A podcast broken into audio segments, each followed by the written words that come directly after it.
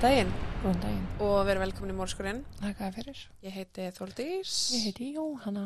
Uh, Alltaf minna á skröpta er í Ísland.is. Þar fáið þið 20% afslátt Já. af öllum vörum með kóðanum morðskúrin eða mordskurinn.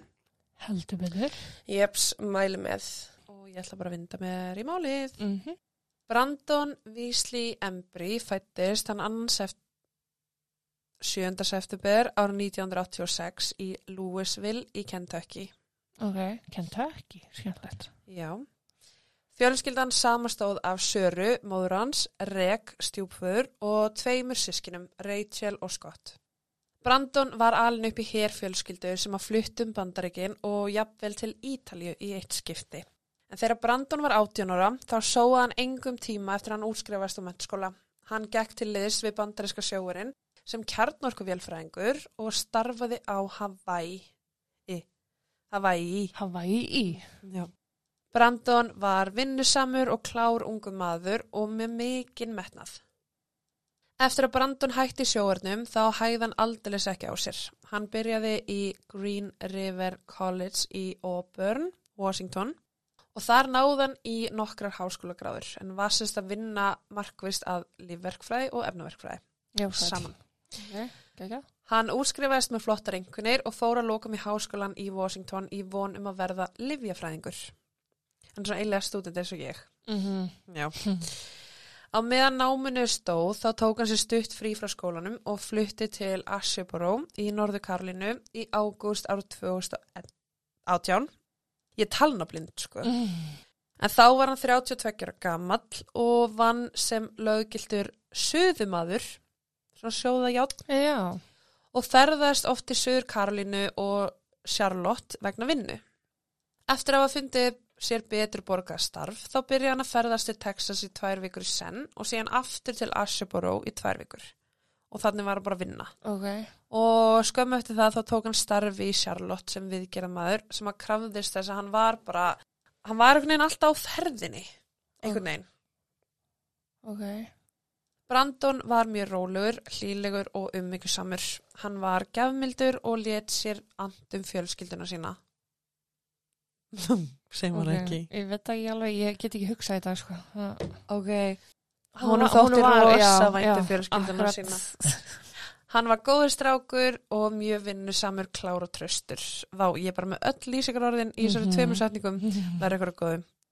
En Brandon var 182 cm á hæð og um 145 kíló.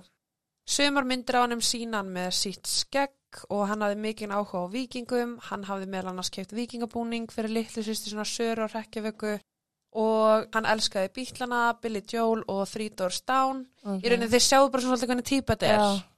og hann hafði ekki verið með neitt stelpu í mentarskóla og þegar hann var í sjórnum þá var hann alltaf bara mestu umkryttur karlmönnum Já.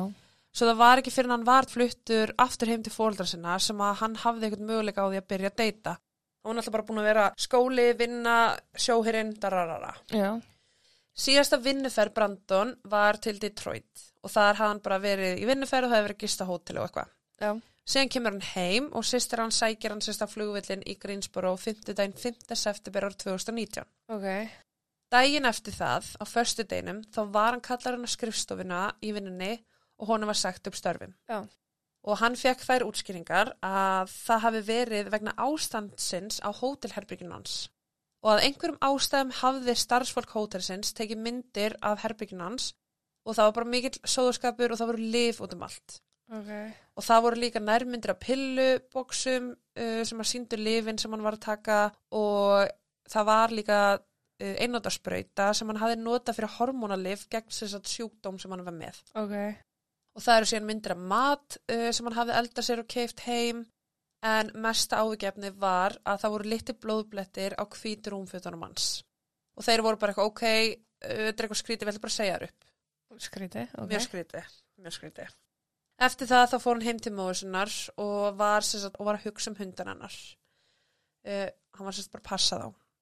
Ok. Hann hafði litlar ágjur af vinnunni og sagðist uh, hafa hugmyndum hvar hann ætlaði sér að sækja um starfi í staðinn. Og hann var í raun bara meira stressaður yfir loftkælingunni heima hjá móður sinni, það sem var mjög heitt og hún var ekki að virka, heldur en því að hann hafi verið reikin úr starfi. Já. Hann var svolítið svona, ok, þú veist, herri, veistu, ég tekur svo bara jákvæðlega, jákvæðlega, ég tekur svo bara og finn mér nýja vinnu. Já. Þið velur ekkert alltaf lengi við þetta. Nei. Þegar fóreldrar hans komu heim lögðarskvöldið um nýjum þá var Brandon ný farin. Móður hans var frekar vonsveikin yfir því að hafa ekki náð á hann en þau vissu vel að hann var að drífa sig heim af því að hann var að fara að fagna 33 ammælinu sinu. Ok. E, móður hans hafði talað stuttlega við henni síman meðan þau kerðu heim og óskáðum til hamingi með daginn. En fyrrum daginn það hafði Brandon sendt stjúpföðu sínum SMS og sagt honum að hann ætlaði sér að hitta stelpum kvöldið en hún hafði síðan skyndilega hætt við og hann vissi ekkert hvað plani var. Ok. Það var sérst á lögadeginum. Já. Mánudaginn 9. september sendi Brandon móður sinni skilabóður, sérst bara mánudeginum eftir. Uh, og hann sagði að hann væri með mjög slæman höfuverk sem var í raun hræðileg tímasetning að því hann átti eftir að stúsast mjög mikið. Þriðjudaginn 10. september sendi hann móður sinni önnur skilabóð. Hún ringdi í són sinn síðar um daginn en hann svaraði ekki símanum. Og það var svo sem ekkert óvinnilegt en það viss hún bara hann hafði mikið að gera og bara ok, hann getur ekki svara, hann ringir í mig setna. Já. Daginn eftir uh, 11. september, miðugdægin, þá ringdi hún aftur í svon sinn og enginn svaraði. Hún reyndi sérst aðtóða staðsendingun á símanum hans sem að vanlega virkaði en merki hlóðust aldrei inn svo hún gati aldrei séð hvað hún var. Og það var þá sem hún tók það ákvörðin að keira heim til hans uh, sér að daginn eftir til að aðtöfa með hann ef hann myndi ekki hafa samband við hann í middeltíðinni. Ok. Þannig að 50 daginn 12. september hafði enginn heyrt frá Brandon síðan á þriðjudaginn þegar hann sendi skilabóð. Já. Sara tók Rachel dóttsina með og þær mættu heim til Brandon klukkan 14.45. Hún hugsaði með þessir hann hlita að vera bara veikur heima og væri að reyna að sofa það úr sér en það hefði hann talað um hann væri um hausverk. En þegar þær komið þangað þá kom ekki til dyra. Útidyrahurðin var læst og það var líka læst á bakvið. Móður hans tók eftir því að einn af glukkunum í íbúðun hans var brotin. Hún hafði ákveðið að ringi lásasmið en hætti skyndilega við eftir hún sá brotin glukka. Þar hún bara skellt að lásasmiðin og ringdi lögurluna. Ok. Og bara mér finnst mjög skrítið að glukkin er brotin. Já, það er mjög skrítið. Fyrstu viðbrasaðalar kom á vettvang kortiri síðar og voru sérst bara að gera svona velferðarskoðun á Brandon. Ok. Á meðan þeir þvinguðu sér inn í íbúðun hans þá báðu þeir maðgunar uh, um að vera uh, býða fyrir utan. Fyrsta sem þeir sáu þegar þeir komu inn í íbúðuna var Brandon en hann lá nakin á gólfinu í söpnherberginu. Hann var meðutundalaus og virtist hafa verið illa barinn. Já. Höfuð hans lá í blóðpolli og það var vatn sem hafði flætt frá baðherberginu, sérst úr baðkarinu. Mhm. Hann andaði enn og var honum gefið narkan, liv sem að virkar einungis ef að öndunafærni einstaklings er erfið vegna fíknefna, Mhm. svo sem fentanil, heroins, morfins eða eitthvað annað. Já. Þannig að þetta er raun gert bara að þú ert að, hérna, Koksa. já, að þú ert að koksa. Mhm. Eða þú ert, sem sagt, já, bara nærði ekki andanum að því þú er kannski búin að taka úr stónaskam. Þá er þetta liv gefið og þá opna öndunar veginn. Já. En eftir að hann fekk þetta liv, þá var bara engi breyting Mhm. sem segir okkur eitthvað. Uh, mikið. Já. Sjúkralegar flutt hann í flýti á Randolph sjúkrahúsið í Asiborough og Sara og Rachel byði fregna á- byðstofunni á meðan Brandon var í aðgerð. Eftir erfiða byði kom læknir út til að tala við þær stöllur, ég veit ekki af hverju ég skrifa það og það eru hljóta þér, og sagði þeim að Brandon var í alvarlegu ástandi og horfur væri ekki góðar. Þær í kjölfari flytjan á Moses Goon sjúkrahúsi í Greensboro til að fá betri ummunun. Starfsfólki þar gerði allt sem þeir gátu til að hjálpa Brandon en því miður gæt líka manns ekki barist lengur. Brandon Embry var því úrskurðaður látin förstu daginn 13. september kl. 20.57. Fjölskylda Brandon var niðurbrotin og hafði margar spurningar. Mm. Þann 16. september fór fram krupning og það voru tveir lauruglumenn viðstattir, Lori og Macon. Miðvíkudaginn 18. september lagði móður hans loksins leiði sinna heimili Brandon. En hún hafði ekki komið inn að vegna þess að náttúrulega lauruglan fór inn, náði Mhm. Brandon og svo bara beint á sjúkrúsið. Já. Þannig að hún fekk í raun bara áfall þegar hún gekk inn í íbúðina. Íbúðin var gjörsalega í rúst og það var drasl út um allt Þið verðið að kíkja á Instagram núna og skoða myndirnar. og skoða myndirnar. til að áttökur á því hver í gangi. Já. Mhm. En náttborðið hans var á hliðinni, það var búið að taka klósettsetuna af klósettinu, það var búið að draga klósettið sjálft í raun svona upp úr jörðinni, Mhm. allar hillur höfðu verið ripnar af veggjónum Mhm. og sem sagt, það var bara allt í ykkur rústan. Það voru hórrandi fokki. Já. Sara hafði fengið tilfinningu fyrir því að hún þurfti að vera á staðunum og þurfti að sjá þetta sjálf. Já. En sem sagt, eiginmaður hennar og bróður hans höfðu sagt, ákveði bara ákveði við ætlum að fara að þrýfa íbúna, þau þurfum alltaf að skila af sér öllu og eitthvað. Og þá náttúrulega bara kom þetta allt í ljós. Og hún sagði að það fyrsta sem hún sá þegar hún gekk inn var stór pollur af storknu blóði á gólfinu sem var mjög þykkt og myndið stóran ring. Já. Hún tók einnig eftir að það voru margar blóðslettur út um alla veggi og það voru svona merkinga frá tæknideild. Sest, það setur svona litla gula Mhm. 23, 24, þú veist, merkjur allt. Já. Hún man hvernig blóðið lag niður veggina og leittir sérst niður, svona eins og þú setur bara málingu og hún lekur niður. Mhm. Hún tók einnig eftir blóð á öðrum stöðum sem var ómert eins og lögreglan hefði ekki tekið eftir í en það var meðal annars á einhverjum veggjum á skápahurð, uh, gluggakistunni, gardínunni og á dínunni í svefnherbyggin hans. Já. Kottin hans var einnig blóðblöytur og þetta var raun bara ógæðislega aðkoma að komi. Mhm. Manirn eftir að hafa séð hárkökla í sömu blóðinu og eitthvað sem að líktist bara human flesh Mhm. á vegnum. Og Sara er náttúrulega bara mammans. Já. Þegar Sara gekk inn á Baðarbergi þá átti hann sér strax á því að einhver hafði lamið svon sinn til dauða. Það var blóð á vegnum inn á Baðarberginu og sumt að því virtist hafa blandast við vatn. Já. Það var kringlót svæ... Kringlót? Kringlót. Ég, ég hreinlega veit ekki.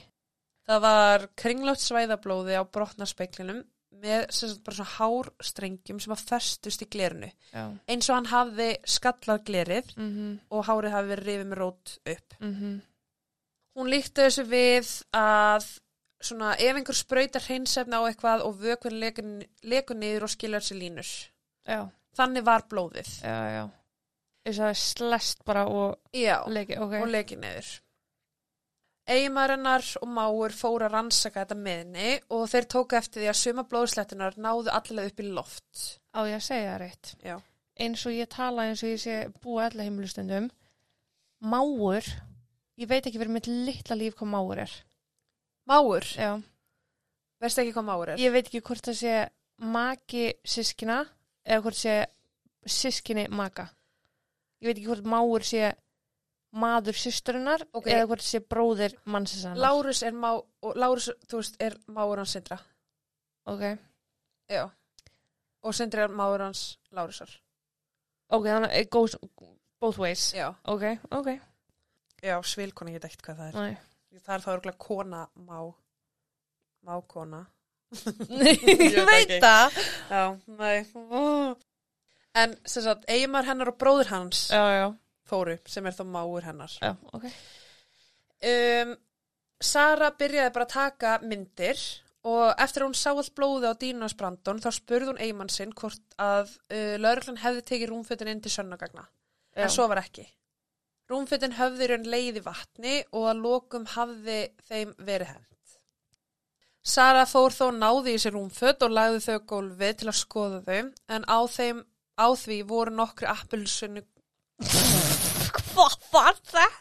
Ég veit ekki, en á því voru nokkri appilsungulir blettir og við frekari skoðan á heimilinu þá fundur henni blóð inn í hitakompinu sem var inn í söfnherbergi. En það eru svona mörg söfnherbergi sem með svona, þetta er bara svona sem er svo skápur, svona Uh, lítil kompa þar sem er allt heita vatnið og eitthvað.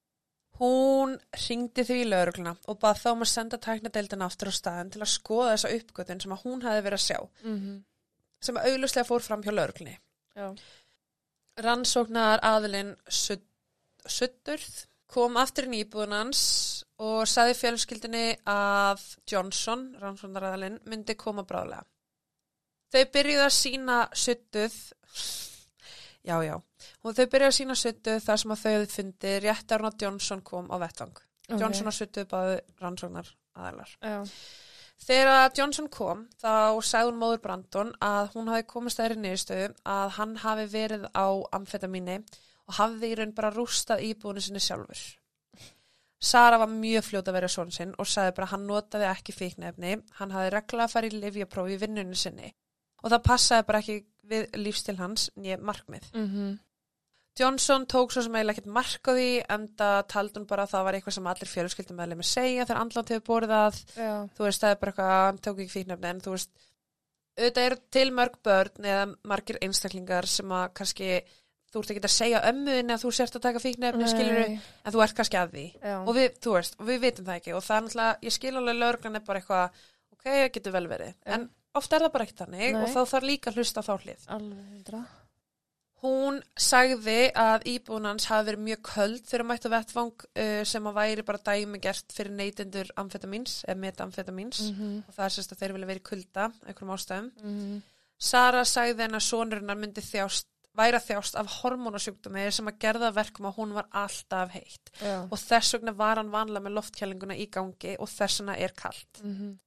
Johnson sagði frá því að neytendur metamfetamíns væru oft með undarlega hegðun og að Brandon hafi líklegast byrjað að reynsa upp sóðaskapin eftir sjálfa sig eftir að hann að rústa öllu vegna þess að í raun Hvað þangur hann datt næstu í döður? Niður. suttuð kallaði aftur til tæknideildina til að fara yfir íbúðuna og það var eiginlega bara gert til að taka neyri fjölskyldinni Já. bara ok, við skulum gera það en, en niðurstaðan var svo að það var náttúrulega bara búið að eiga við íbúðuna og það var ykkur búin að reyna þrýfa vettvangin sem var náttúrulega bara fjölskyldan Já. í rauninni þeir náttúrulega viss, eh, byggust bara við því. Þeir, þeir fengur leiði frá lauruglunni til að fara og þrýfa á allt. Mhm. þeir byggust bara við því að lauruglun hefði sinni skildu að Mhm. aðtöfa allt. Þá óskaði suttuð einni eftir húsleitarheimild. Með þeim rökum að nokkri læknar höfðu sagt að Brandon hefði ekkert geta allir sjálfur sér þessum skada þetta var það mik miklir áverkar. Hann hefði ekki geta gert þetta sjálfur. Þrátt fyrir skoðanir heilbriðistarsfólks og augljósmerkjum átök og þrif sem sagt, og þá er ég ekki að tala um þrif á fjölskyldinni heldur að augljóslega þá er verið að tala um að Brandon hafi verið að þrýfa þetta sjálfa sig Akkurat. að þá var niðurstaða krupningar svo að Brandon, veistu, hann lést úr lúnabólgu. Já, ok, Já. ok, ok, ok. það var bara lúnabólga og ég ætla svona svolítið að fara yfir þessa áverka sem að fundust og þetta er ekkert smá ég var svona aðeins búin að taka þetta saman e, það voru áverkar eftir högg framan á búknum Mm. það voru veruleg marblettir og svona núningar á kvið og brjóstkassa Ok. Vinstra lungans var marið. Tveir marblettir fundust á getnaðlimnum. Uh, það var sár sem fannst að hálsi og högu sem og í andliti. Það var storkna blóð sem að leitt úr nefunans og eirunum og það var mikil þróti og marblettir bara í andlitinu og bolgur. Hann var þrútin í kringum augun. Já. Tunguhaftið hans var rifið á samt uh, skurði sem hann var með á vörunum. Hann var með augljósa, áverka í andlitinu eftir barsmiðar. Mhm. Það var stór marblettur sem að huldi næstum allt baki hans. Stór, stór, stór marblettur. Hann var með nokkra skurði í lófa og úlnið. Hann var með stórt mara hægra fæti sem að leiti neyru hnið. Hann var með fimm tómi opið sár vinstri raskinn á samt stóru marbletti. Það fundust einni marblettir af innralærun hans og hann var með uppleift sár við svarum líkamann. Það eru til ykkur myndir á þessu eða ekki? Það eru til myndir sko. Já. Þú veist, eins og til dæmis sári sem hann var með uh, við augabrúnuna sína var svona ílega nokkuð djúft og þetta var svona svolítið, þetta var eiginlega bara skurðir sem hann myndi vanlega fara að láta sauma. Já. Uh, svo var hann með skurði hér og þar en hann var með sem sagt, eitthvað sem heitir periorbital echimosis sem er þekkt sem bara í raun þvottabinnar augu. Þú veist, það eru svart. Já. Já, þú eru marin í kringum augun. Það því hann geti að fengið höggina aftan á. Já, og það er einmitt talað um að það bendi til þess, til dæmis eins og höfukúpubrótt. Já. Já, höfuð högg þegar þú ert Mhm. með svoleiðis um, þú veist, ofan að þetta sem ég er búin að segja var hann bara með rispur og bara mar út um allt og alveg djúpa rispur bara sár á Já. mörg stöðum uh, lík hans, eða hann fannst í Svefnurbygginu sínu höfu hans slá í litlum blóðpolli sem að virtist hafa þinnst út vegna náttúrulega bara lekans sem að kom frá klósitinu Já. en uh, efst á annari táans á vinstri fæti voru tvö bara svona stungusár einhvern veginn Mhm. já.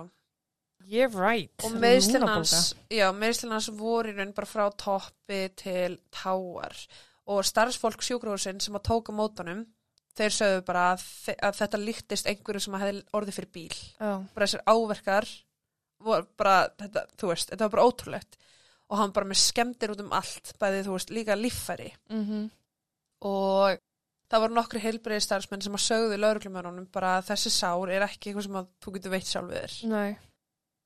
En Johnson í fram að Brandon hafi látist úr núnabólgu þrátt fyrir þessa krupningu og þessa uppgötun og það sem að heilbreiði starfsfólk er að segja. Já.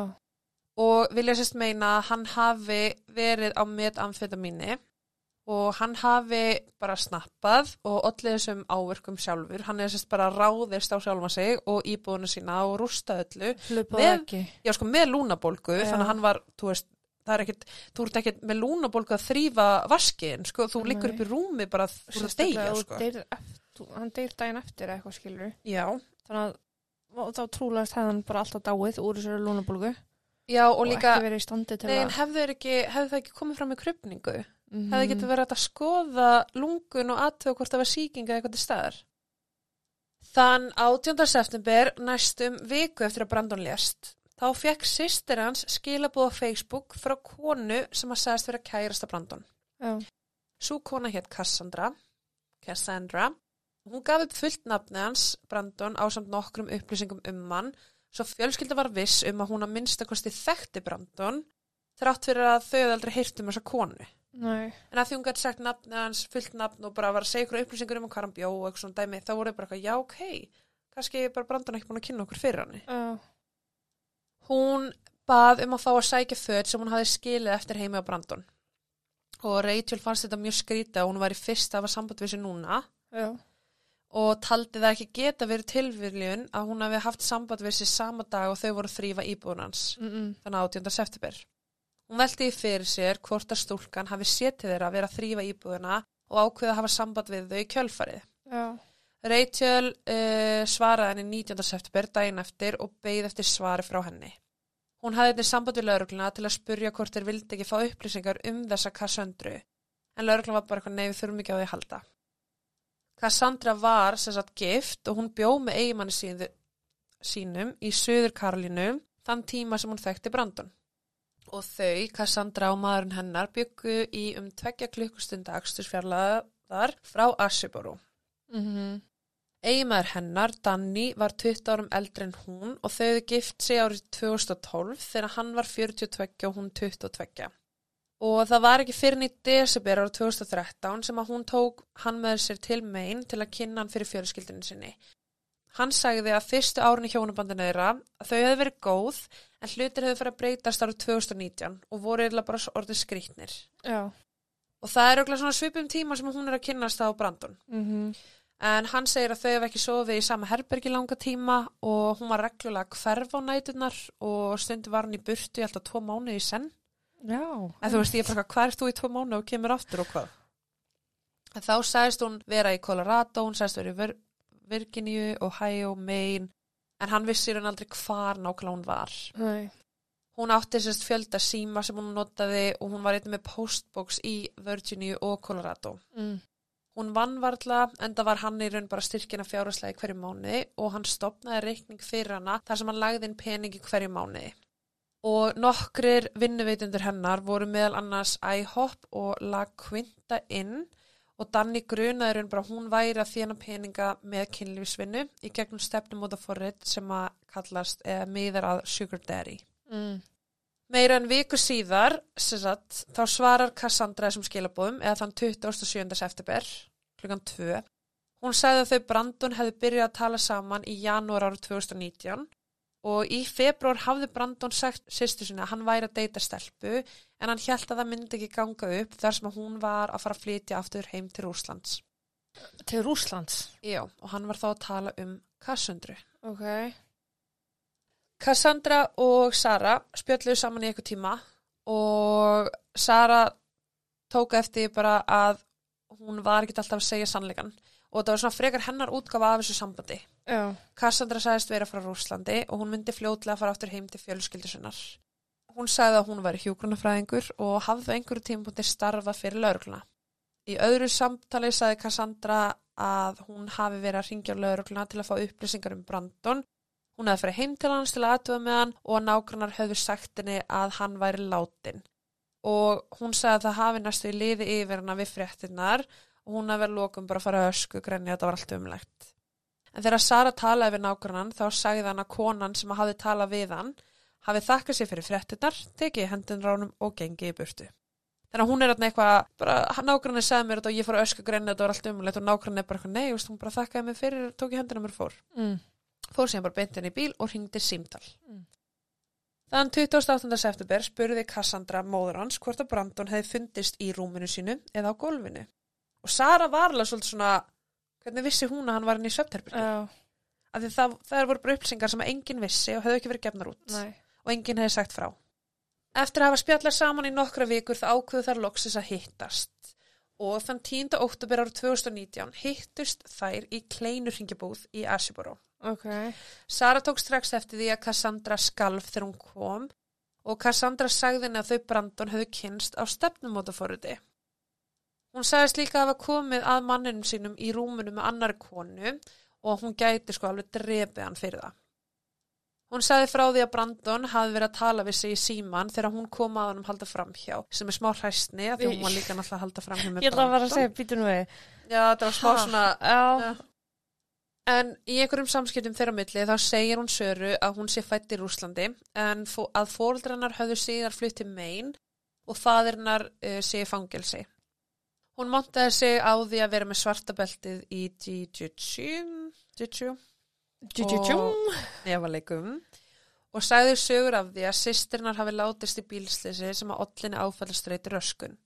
Hún sagðist hafa eignast barn sem að dó einsás uh, eftir að því hafði verið vafinn í teppi, kapnað, og að hún væri ólétt af barni Brandon. Hún síndi henni Wow. síðan, Ok. já, og hún síndi henni síðan sónamyndir í kjölfarið. En þetta er bara svona brotaði sem hún er að segja fjölskyldinni og allt sem hún er að segja svolítið stangast á við fyrir sögur. Til dæmis eins og með að fóldrannar eru í Rúslandi og hún sé að fara þangað en svo sá hún að þau raun búa í Maine að þau fluttu þangað. Og svo allir henni pappan er í fangelsi en hún er samt að fara til hans þú veist, þetta var bara svona hún, það, hún var bara ekki að segja sannleikan þetta var allt mjög shady og mjög skrítið.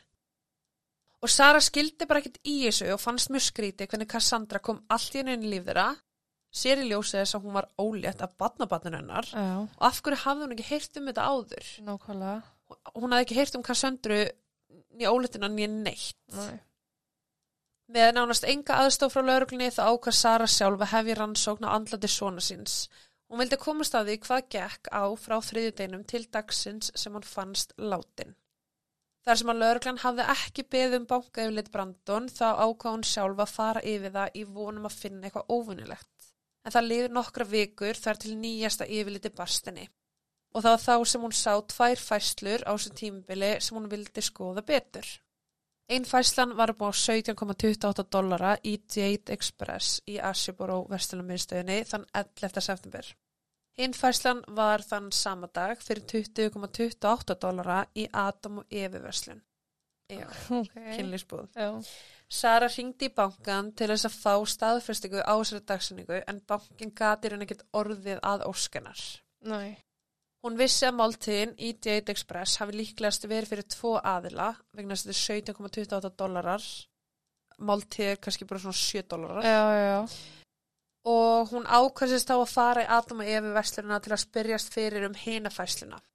Frankvöldastjórin dró fram kvittununa og staðfesti að Brandon hafi kvittað uh, þann 11. september kl. 11.38 hann gati hérna ekkert gefið eitthvað frekari upplýsingar um þetta en hann sagðist uh, vera tilbúin til að græja það fyrir laurugluna ef þeir hafa samband Ok. en lauruglan gerði það ekki Ok. og það er til dæmis að skoða kannski myndbásupptökur og allt svo leis Já. og það er náttúrulega, veist, eins og við vitum flest fyrirtæki, eða mörg fyrirtæki þeir geima upptökur í, þú veist, max tvær vikur þannig að þú ert ekki að koma strax, ef lauruglan er ekki að hafa samband strax, að þá er þessar upptökur hornar en það er sem sagt mánudagur er 9. september þriðjudagur 10. september og síðust skilabóðum frá Brandon Mhm. miðvikudagurinn 11. september heyrðist ekkert frá Brandon Já. en þarna miðvikudagurinn 11. september var Brandon að, í Vestlunum stöð og Adam Evi Já. með ykkurum og hann hafði engur samskipti við fjölskyldinu sína og það var ekki fyrir en daginn eftir sem að fjölskyldan mætti. Já. Bara svona aðeins til að, Þannig að einhvað gerist þannig að 11. já. Þann 14. nóvember hitti Sara Kassundru aftur, hitt var náttúrulega september sko. Mm Þann 14. nóvember hitti Sara Kassundru aftur í vest, vestlunarmiðstöði Asiborum. Sara myndist þess að hegðun hennar var mjög skrítin, hún var að þykjast gráta og sagði skyndilega að hún væri á leiðin í fangelsi án þess að útskýra það eitthvað nánar hvers vegna. mm. Cassandra leiðin að skoða skilabóðin sem að fóru fram á milli hennar og Brandon en það voru mörg ósveru skilabóð frá henni til hans. Ok. Okay. Dægin sem að hann fannst. Já. Og hún hafði sagt verið að senda um skilabóð, hann svaraði ekki. Hún hefði sendt honum á fimmtudeginum. Eftir fangelsi er það spítala og svo bara, ert að gefast upp á mér uh, hver fjandinn veit. Who the fuck knows. Uh, við erum að fara á tónleika á morgun eða ætlar að fara og svo förstu daginn, daginn sem að Brandon dó Já. að þá sagði hún oh my god, þetta er mjög svekkjandi þú ert að fara mjög mikið töðar á mér uh, ég er að fara að ringja lögregluna og gera velferðaratun Mm. Svo lögadaginn, þá sagði hún uh, nú er ég orðin ógislega pyrruð ég hef ekki hugmynd um hvað þú ert eða hvort þú sért á lífi eða hvort þú sért uh, jafnvel dáin. Og svo bara flott hjá þér eða frábærleið til að láta mig fá áhyggjur. Já. og þetta er allt eitthvað svona að ég veit ekki. Ak, þú veist, ef að manneskinn er ekki svaraðir Mm væri ekki búin að fara bara á aðtuga kannski, að ég veit það ekki. En akkur hringdir þá líka ekki í laurugluna hún hringdi aldrei. Nei. Sara tók myndaði sem skilabóðum og sendi á suttuð Mm. Rannsókna. já, Já.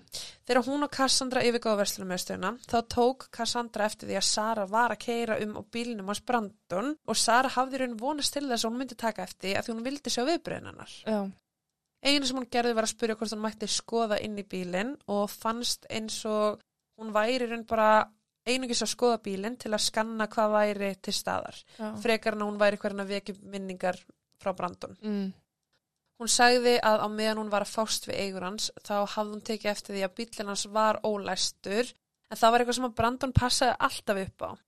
Og þegar hún leit inn í bílinn hans þá sá hún nokkra blóðbletti aukmerkjum einhver hafi reynd að þrýfa blóð upp. Og það voru einnig tvö svona lift and peel innsigli í bílnum uh, sem, að, sem að er það sama og fannst á heimilans og var sérst á flöskur valmart. Já. Þannig þarf sérst að lift and peel til að opna já. á flöskunni. Dægin eftir hafði lögreglan samband við Kassandru uh, til þess að fá hana á stöð í skýslutöku. Hún ringdi strax í söru á Facebook og tjáði henni hversu miklar áhyggjur hún hafði af því að lög, um hvað lögreglan vissi og hún var bara ekkit viss um hún hvort hún gæti treyst lögreglunni. Nei. Það var þá sem hún byrjaði að tala um einhverja svepptöflur og sagði að kannski hefði Brandon tekið á stóran skamt. Hún sagði henni heitið á þessum svepptöflum sem hún var viss um að Brandon hefði tekið en Sara var bara ekkert sammála því því hún vissi nákvæmlega hvaða líf svonurinnar væri að taka og þetta var bara ekkert eitt af þeim. Nei. Niðurstöður úr uh, eituröfna prófunu komið tilbaka og það var ekkert metamfetamin sem að fannst í kerfinans. Nei, var það nokkuð? Nei. Eina sem að fannst var mikið magn af Benadryl sem er aðal innihaldsefnið í þessum svepptöflum sem að Cassandra var að tala um. En hvernig vissi hún það? Sérstaklega sem þetta voru ekki töflur sem að Brandon var vanur að taka, hann var ekki með upp á skrifaðar þessar töflur. Hvernig vissi hún um akkurat heiti á þessum töflum sem að Já. innihalda Benadryl? Mm -hmm. Og svo einu er hann búin að taka Benadryl. Já. Hún saði þetta við Söru og hún var mjög stressu fyrir þessu og hún ætlaði að ljúa að lauruglunni svo hún myndi ekki þurfa að fara í yfirheyslu. Sagði hún það um mummans? Já, Du spjáni. já. Nokkru sinnum sagði Cassandra henni frá draumi sem að hann, hana hafi dreymt. En þar líst hún sérst glæpa vettvangnum og gaf upp nákvæma lýsingar sem að gerða að verkum að Sara var bara handviss um að hún var að lýsa döðdaga Brandon. Mm. Hún sagði að hún hefði séð Brandon liggjandi nakin uh, og látin að baðherbergi skólanu. En þannig er hún bara eitthvað, já, veist, mér dreymdi í nóttum að Brandon hafi verið látin og nakin. Af hverju er það að dreyma þetta? Af hverju er þetta að segja Nefn að þú hefði kannski séð, já. Nokkru dögum síðar fekk lögreglan hana niður á stöð bara til að fara með hann í skýslutöku Mm. og að henni lokinni þá hringdi Cassandra í Söru og hún gat ekki hægt að hlæja.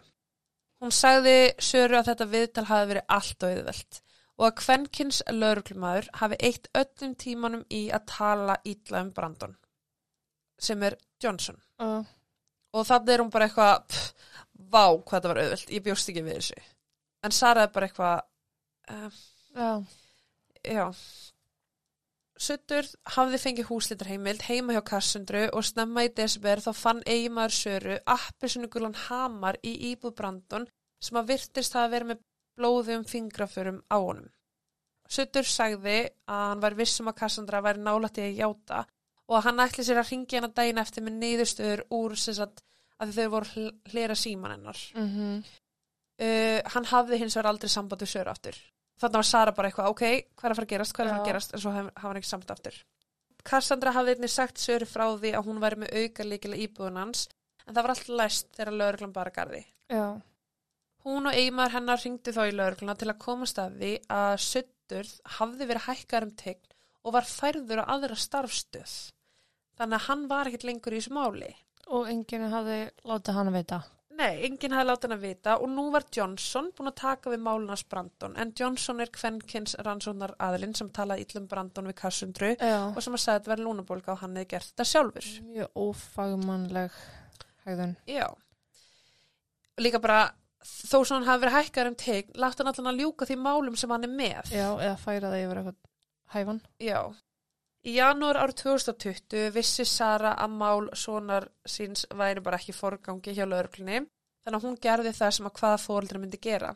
Hún leitaði til fjölmiðla til að Mhm. vekja aðtikla málinu og vildi bara fá okkur viðbröð frá lögreglunni. Já, Hún hvatti einnig fólk til að koma fram ef þau voru með einhverja upplýsingar um Brandon eða málans og fjölmiðla bara gripi málans strax og höfðu samband við lögregluna í vonum að fá einhver svör frá þeim sem að þeir vildi náttúrulega bara byrta. já, Þannig að veist, fjölmiðlar er ekkert alltaf allslæmir sko og stundum Nei. er geggja að fjölskyldi getur leita í þá til að setja pressu á Mhm. lögregluna. mhm, Lögreglan sagði þeim að dánar orsök Brandon var lúnabólga. Johnson hitti Söru kjölfari og ráðlaði henni að fara ekki í fjölmiðla vegna þess að það geti skada máli þegar það að lokum færi fyrir rétt.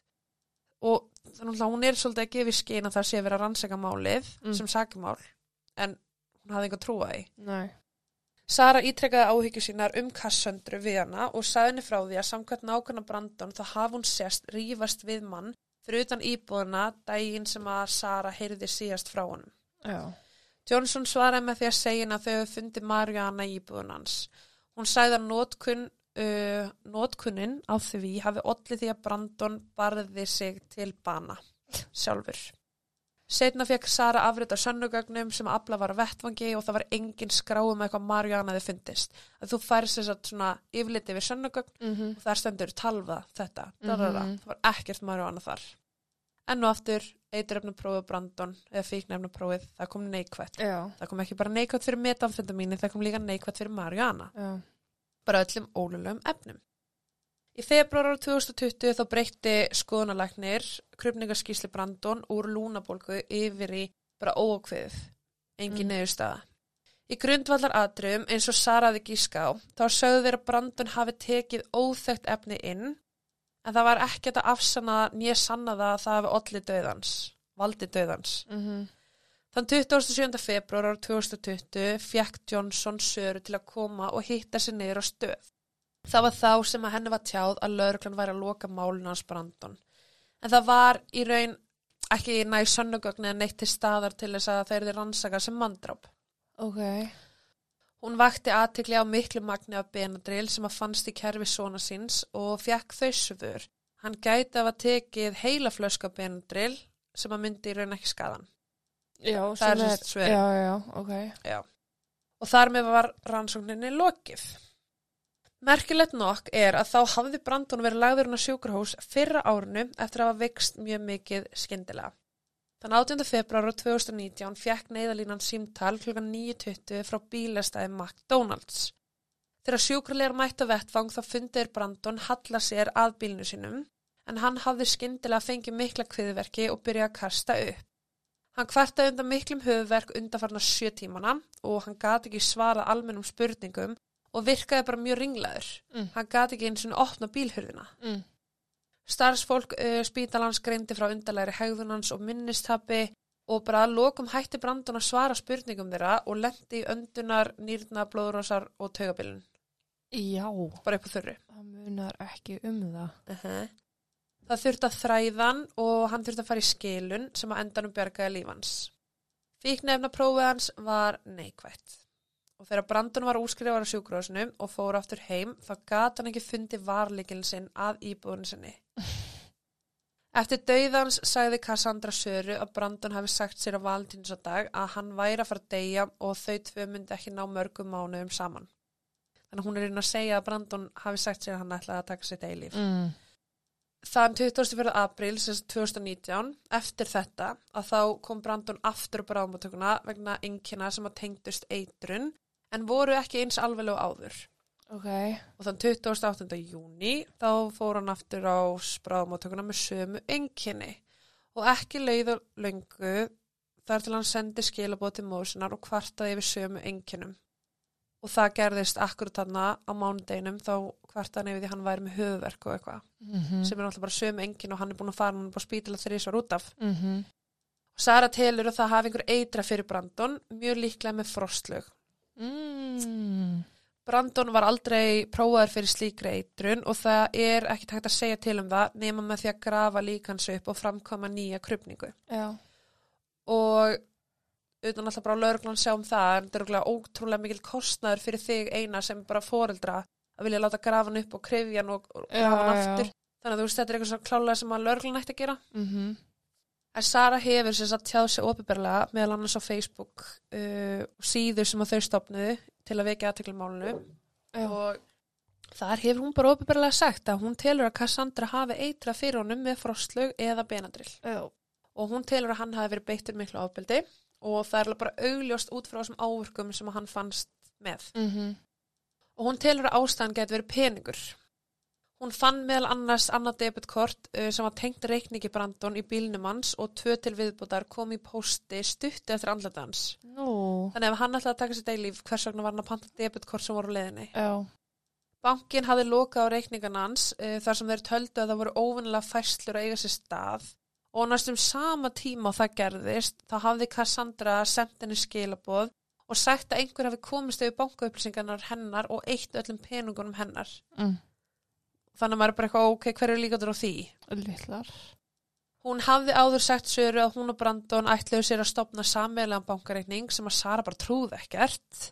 Og þar að auki hafði hún talað við fyrrum makanar, Danny, og aðra vini sem að sögðu bara að Cassandra væri með mjög undarlega hegðun og hún væri þekkt fyrir að beita andlu og líkamlu ofbeldi. Mm. Og hér er smá brota af þessari, þessu undarlegri hegðun sem að ég er að tala um. Hún hafði sérst tekið upp eftirna Brandon, Embry, og hún hefði sagt fólki að þau var gift. Þannig að hún var Cassandra Embry og þau voru ekki gift. Ok. Hún fór með launasæluna hans í bankan, hún falsaði undirskriftina og leisti út ávísanir. Já, þetta er ólögleg hegðun. Já, hún sagði vinu sinum að Brandon hafi beitt hana líkamlega ofbeldi þegar það var í raun hún sem að var að beita hann Mm. líkamlega ofbeldi. Hún kýldi hann einu sinni í magan sem var til þess að annað lunga hans fjallt saman. Já. Þú veist, hún var alveg sterk. Já. Hún sagði honum að hún væri ólétt en að barnið hafi dáið. Og hún sagði líka að hún væri gift löggu og ætti börn með honum. Og þegar hún sagði við hann hún væri ólétt, hún notaði sko kotta til að búa til bumbu. Nei. Jú. Og let Brandon halda það að hún væri actually ólétt. Oh my god, ok. Já, en ég meina hvað, þú veist, í dag ertu svona, svo morgun ertu alltaf koma áttamána bumbu með kotta. Já. Sér, já, ég veit ekki. Hún gaf Brandon flösku af vítamin vatni sem að hafði nú þegar verið opnuð. Og eftir hann drakk flöskuna þá var hann veikur. Og hann man sérstaklega eftir þessu og var búin að segja frá þessu. Ok. Að hann færi þarna, þetta er þess að þú fær kristall í hendurnar og það er búið að opna hann. Er ekki bara eitthvað afhverjum að opna drikkið minn. Eh, hún eldaði líka mat fyrir hann sem að gerða verkum að hann veiktist mikið og endaði á bráðmóttökunni. Og það var engin annar veikur nema hann og það gerðist nokkur sem eftir að hún var elda fyrir hann. Mm. Og sérst samband þeirra var alveg meira heldur en við höldum. Þau Já. voru alveg að deyta. Ok. Og ég segi, hún var að hverfa frá eigimann sinum í tvo mánu. Þá var hún bara heima á Brandon. Já, já. Uh, hann vaknaði einu sinni upp við það að hún var með kottan sinn á andlitinu hans að reyna að kæfa hann og það var að minnstakosti eitt skipti sem hún dró fram hlaðanabissu og beinda höfðun hans. og hún sendi óttu skilabóti fólks og þóttist vera hann þar á meðal til yfirmanns hans. Why? Jeps, og fjölskylda hennar, Kassundru, hefur óskað eftir aðstof lögreglu vegna hennar hegðunar.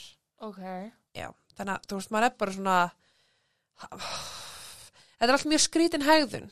Það er líka ef hennar eigin fjölskylda er að benda á þetta, sko.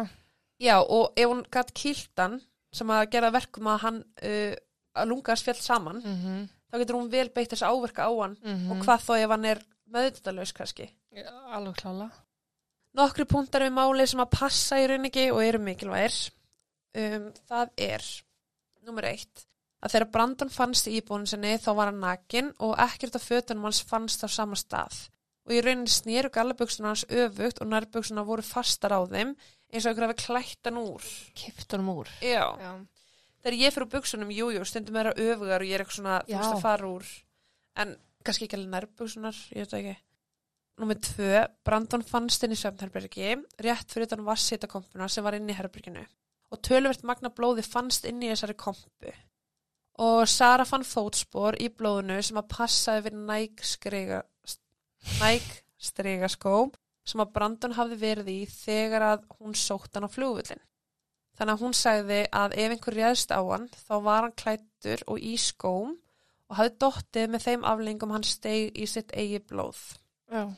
Lauruglan sagði uppaflega að uh, skófarið var líklegast eftir læknin sem að koma á vettfang og þeir skoðuð aldrei nánar. Sorry, eiga þeir ekki að vera í svona eins og eru sundlum, svona, Jú, yfir skónum. Þeir eru ekkert að geta skilið eftir skófar. Nei. Held ég ekki. En ég meina, jú, jú, það getur alveg verið, skilur En Óleglegt. Óleglegt. Númer þrjú. Cassandra held í fram að hún ætti ekki margar myndir af Brandon. Hún sagði að einn daginn hafa hún bara vaknað og myndirnar af þeim voru bara hortnar. Úr símanum hennar og símanum hans. Og hvað, hann hafði þá eitt þeim? Já, bara einhver hafi eitt þeim. Okay. Út af því að það voru alltaf bara eitthvað, ok, þú veist, getur ekki sanna þetta samband ykkar eða þú veist, eða eitthvað, hva, akkur eða ekki myndir, akkur eða þið voru svona hamingisum. Já. Og hún bara, nei, bara hurfu. Og hún hafði mér svo stuttu eftir dauða Brandon þá hún fengi sér nýjan síma. Heflægt. ef að kærastegin var að deyja myndur kannski ekki vilja halda í þá minningu sem átt? Jú. já. Númer fjögur á síðasta hitting Söru Kassundru þá tók hún eftir því að hún var klætt ljósum konverskóm. En á þeim voru rauðbrúnir blettir sem að sáust frekar vel og Sara einhverjum ástæðum fekk að taka myndir af þeim. Þú veist hún var bara eitthvað má ég taka myndir af þessu? Ok, hvað badass mamma er hún samt? Að vinna bad svona ass ógeðslega mamma sko. Hún er ekki að fá neina aðstóð Nei. Við frekari skoðun á bíl Brandon þá kom Sara af því að bílinn hans hafði einnig verið hreinsaður eða þrifin bara. Og það var ekkert rík á mælaborinu, það var ekkert rík í kringum það. Og það virtist líka sem að GPS-gögnum hafi verið eitt úr bílnum. Og náttúrulega eins og segi það fundust blóðdrópar Mm sem að geta náttúrulega bara verið svona smöts, kámufar eftir og líka bara að þú ert kannski stígur í poll og það fyrir á skóin og það legur niður, þú veist, það getur allt gerst. Þann 20. mæ árið 2020 fekk Rachel, sýsti Brandon, símtal á Facebook. Uh, hún var sofandi og náði bara ekki að svara því. Það var bara eitthvað sem hringdi hana. Og í kjölfari fekk hún skilabóð sem að sögðu, ég drap bróðin. Mm. Sara sendi skilabóðin á Johnson sem að svaraði henni aldrei. Þessi Hún- Johnson er bara einhver metla. Já. Hún ringdi einn á skrifstofuna, skrifstofu lauruglunar, til að tilkynna þetta og það var tekin skýrsla. Og þau voru sérst bara vissum að þetta væri Cassandra. Og það var ringt í Cassandru og henni var tjáð að það væri verið að leggja fram sérst kvörtun eða skýrslu gegn henni. En stuttu sér var Söru tjáð að þessar ásakanir ættu sér engi stóð í raunveruleikunum og að það væri ekkert gert. Mm. Þann annan ágúst árið 2020 fór Sara og Eymar hennar til lauruglunar til að ræða við rannsóknar laurugluna þar sem að þeir vildi fá svör við nokkru spurningum sem þau höfðu en ekkert fengið. Og eins og er að þá er bara málunars Brandon lokið og Sara heldur áfram að vinna streytalaust að því að koma sinni sögu á framfæri og berjast fyrir réttlæti svona síns. Ég held henni þetta að takast það í daginn. Já og sko, uh, ef þið viljið skoða málunars nánar þá er Facebook-grúpa sem heitir Brandon, Brandon's Voice, uh, bandstrik, The Murder and Cover-Up of Brandon Embry. Og Danny uh, fyrir um eigandi Cassandru, hann hefur til dæmis líka verið mjög samvinnufús varandi rannsóknina og hann hefur deilt myndum með Söru Ok. og þessa myndir eru sem sagt þegar hann var í gönguferð í mæ árið 2019 og hann var mjög þölur og veikburða Mm. Og hann myndist þess að hann gati ekki eins og klára þessu gönguferð og hann var með einkenni þreitu og bara svaf allan daginn eftir vinnu. Og þegar hann frétti að dauða Brandon þá byrja hann átt að segja á því að það sama hefði líklegast verið að gerast með hann. En hann myndist þess í morgurútinu sinni þá fór hann að fætur og fór í styrtu og hann mana í hvers skipti heyrðan kassundur fara fram úr rúmunu og inn í eldús að gera eitthvað. Þegar hann kláraði styrtu þá kíkti hann inn í herbergi og hún þóttist vera sofandi. Þannig að hann heyrir í henni fara fram meðan hún er styrtu svo kemur hann fram og þá er hann alltaf sofandi. Ok. Já, og hann telur núna að hún hafi í raun bara verið að fara fram og eitra fyrir honum þar sem hann fann fyrir mikill ógleði og þreitu þessa daga sem hún var heima. Og eitt kvöldi var hann að keira heim og í raun bara misti meðdund og endaði í skurði hinum einn við veginn. Mm. Og svo betur fyrir slasaðast enginn og hún leið bara ekkert eins og hann væri sifjar, heldur bara dópaður.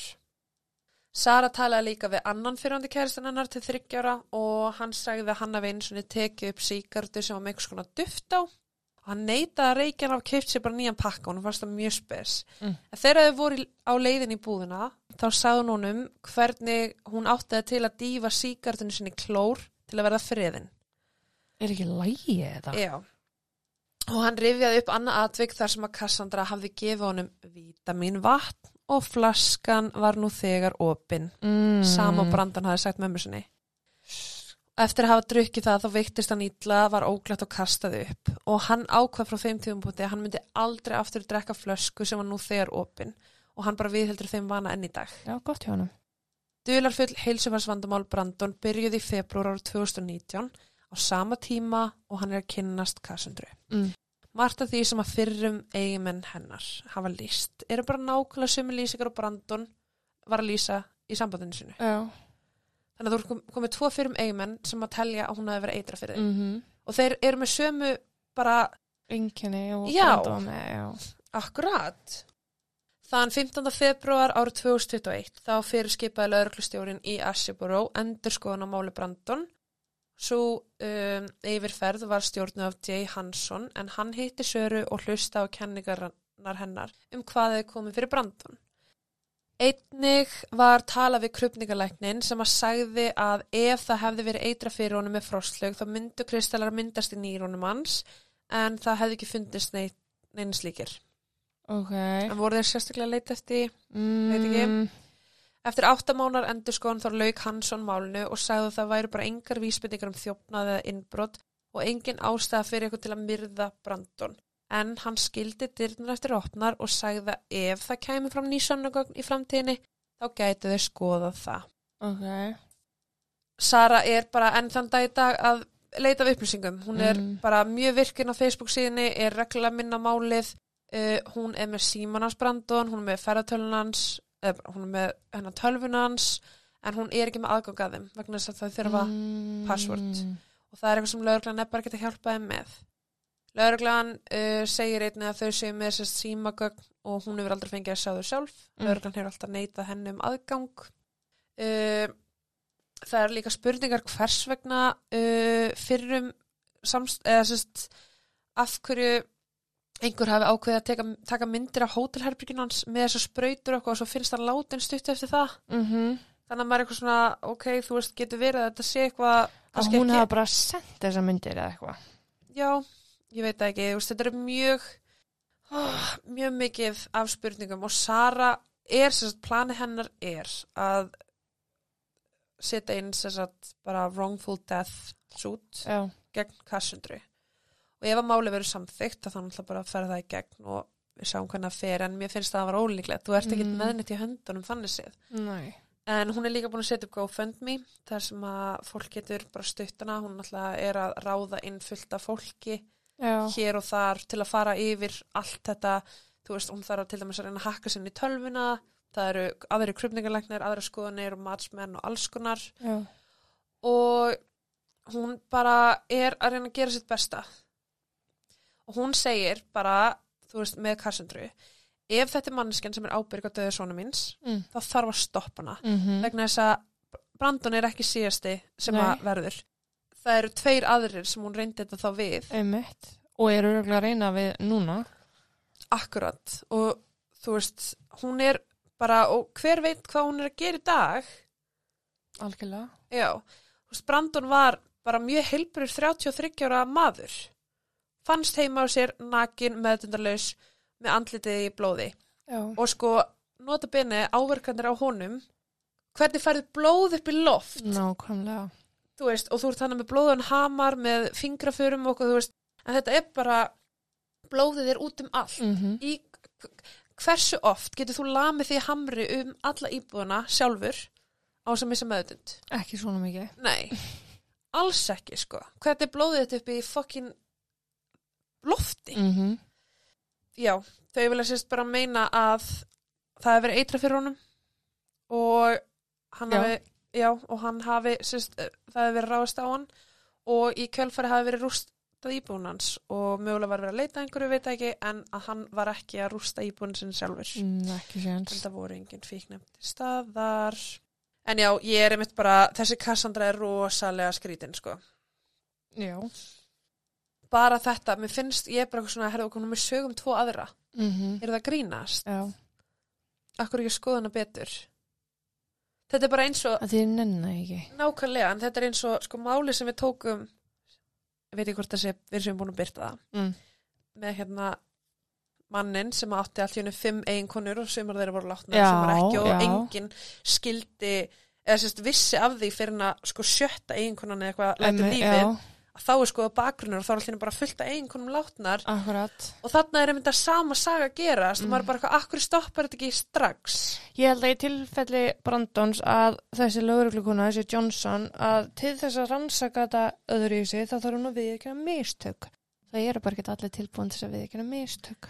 Nei, og til dæmis eins og kottin hans var allir blóður, eins og hann Mhm. hafði þá kannski mjögulega verið sofandi Mm og það voru ykkur blettir í lakjunni, það var búið, þú veist, en laki var skilið eftir, það var ekki tekið til sönnugagna, það þau gerðu alveg eitthvað en þau gerðu ekki, það, það var ekki rannsakað nei, eins og ætti að gera. og saman tíma er bara hvaðan í fokkanum komið sér lúnabólga, bara þegar hann var veikur á mándeginum og, Sko, þegar við deyjum, þá má vel vera, ef hann búin að liggja þarna í eitthvað tíma, að þá hafi myndast lúnabólga. já, einmitt, en hann alltaf var á lífi þegar hann fannst, Já, ég veit. Já, En þú veist, ef hann var búin að liggja þarna í eitthvað tíma með alla þessa ávarka, já, oft þegar við erum veik þá erum við, þú veist, og líka minn er veikburða þá er auðveldar að fá uh, lúnabólgu, þú veist. Já, en já, þetta er allt voðskrítið, oh, já, ég allavega mun setja þessi myndir sem ég er með inn á Instagram, Svo- Mhm. eins og þið vitið þá kannski á ég stundum erfitt með að setja myndir af áhörkum minn á Instagram vegna þess að ég er blokkuð í kjölfarið, Já, eða myndunum er eitt eða póstunum er eitt, en ég Mhm. reynir mitt besta. já, En já, herru, þá segi ég bara takk og bless já, og þar til næst. takk og bless